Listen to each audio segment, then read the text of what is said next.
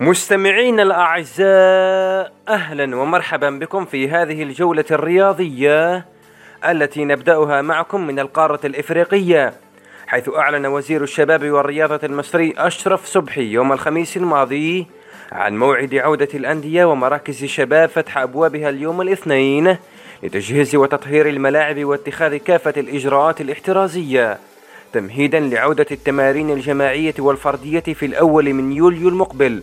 بعد تعليق المنافسات منذ شهر مارس الماضي بسبب تفشي فيروس كورونا المستجد. إلى منطقة الخليج العربي حيث سينظم الاتحاد الإماراتي لكرة القدم يوم الرابع والعشرين من شهر يونيو الجاري مؤتمرا رياضيا دوليا عبر نظام الاتصال المرئي عن بعد تحت شعار كوفيد 19 وكرة القدم. كيف تغير شكل المستقبل؟ وذلك بالشراكة مع رابطة المحترفين الإماراتية.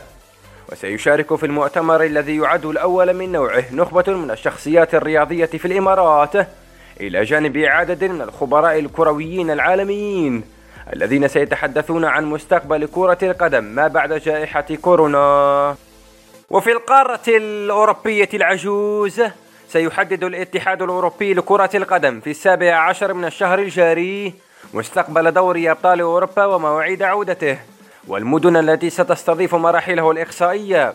وتحدثت تقارير إعلامية أوروبية عن أن موعد العودة المبدئي سيكون في شهر أغسطس المقبل أي عندما تنتهي معظم البطولات الأوروبية.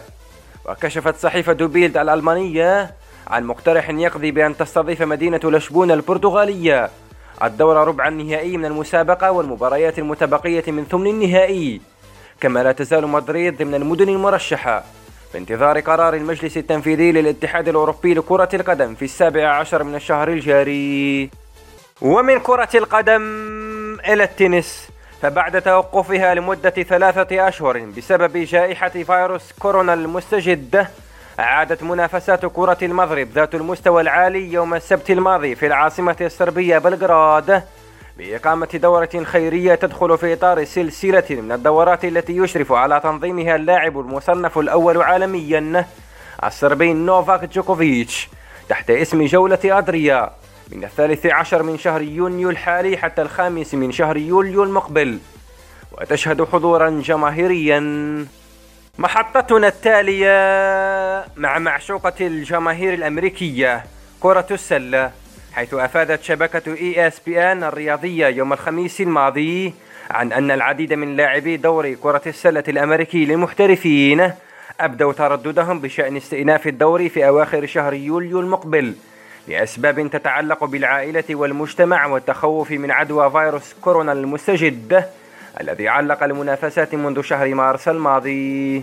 مستمعينا نختتم جولتنا الرياضية معكم بهذا الخبر. حيث تبرع فاعل خير بمبلغ ثلاثة ملايين ومائة وخمس وعشرين ألف جنيه استرلينية لأندية كرة القدم في اسكتلندا من أجل مساعدتهم في تجاوز الأزمة المالية جراء جائحة فيروس كورونا. وستقوم لجنة مستقلة برابطة الدوري الاسكتلندي بتوزيع المال مع السماح لجميع الأندية المحترفة البالغ عددها 42 فريقا. بالتقدم للحصول على منحة بقيمة 50 ألف جنيه استرليني. ويجب على الأندية التي يحق لها الحصول على المنحة تقديم أدلة على دعم مجتمعاتها المحلية. وقال جيمس أندرسون مدير صندوق مالي وشريك في شركة بيلي جيفورد للاستثمار في بيان الأمر لا يتعلق فقط بالشغف على أرض الملعب وهو سبب حبنا للعبة لكنه يتعلق بمسؤولية الأندية تجاه المجتمعات في اسكتلندا. مضيفا شاهدت في السنوات القليلة الماضية الفارق الذي تصنعه الأندية في حياة البشر.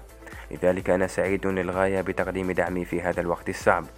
وسيقسم المبلغ إلى مليونين ومائة ألف جنيه استرليني ستكون متاحة للأندية بينما يذهب المبلغ الباقي إلى برنامج اللجنة المستقلة إلى هنا تنتهي جولتنا الرياضية معكم.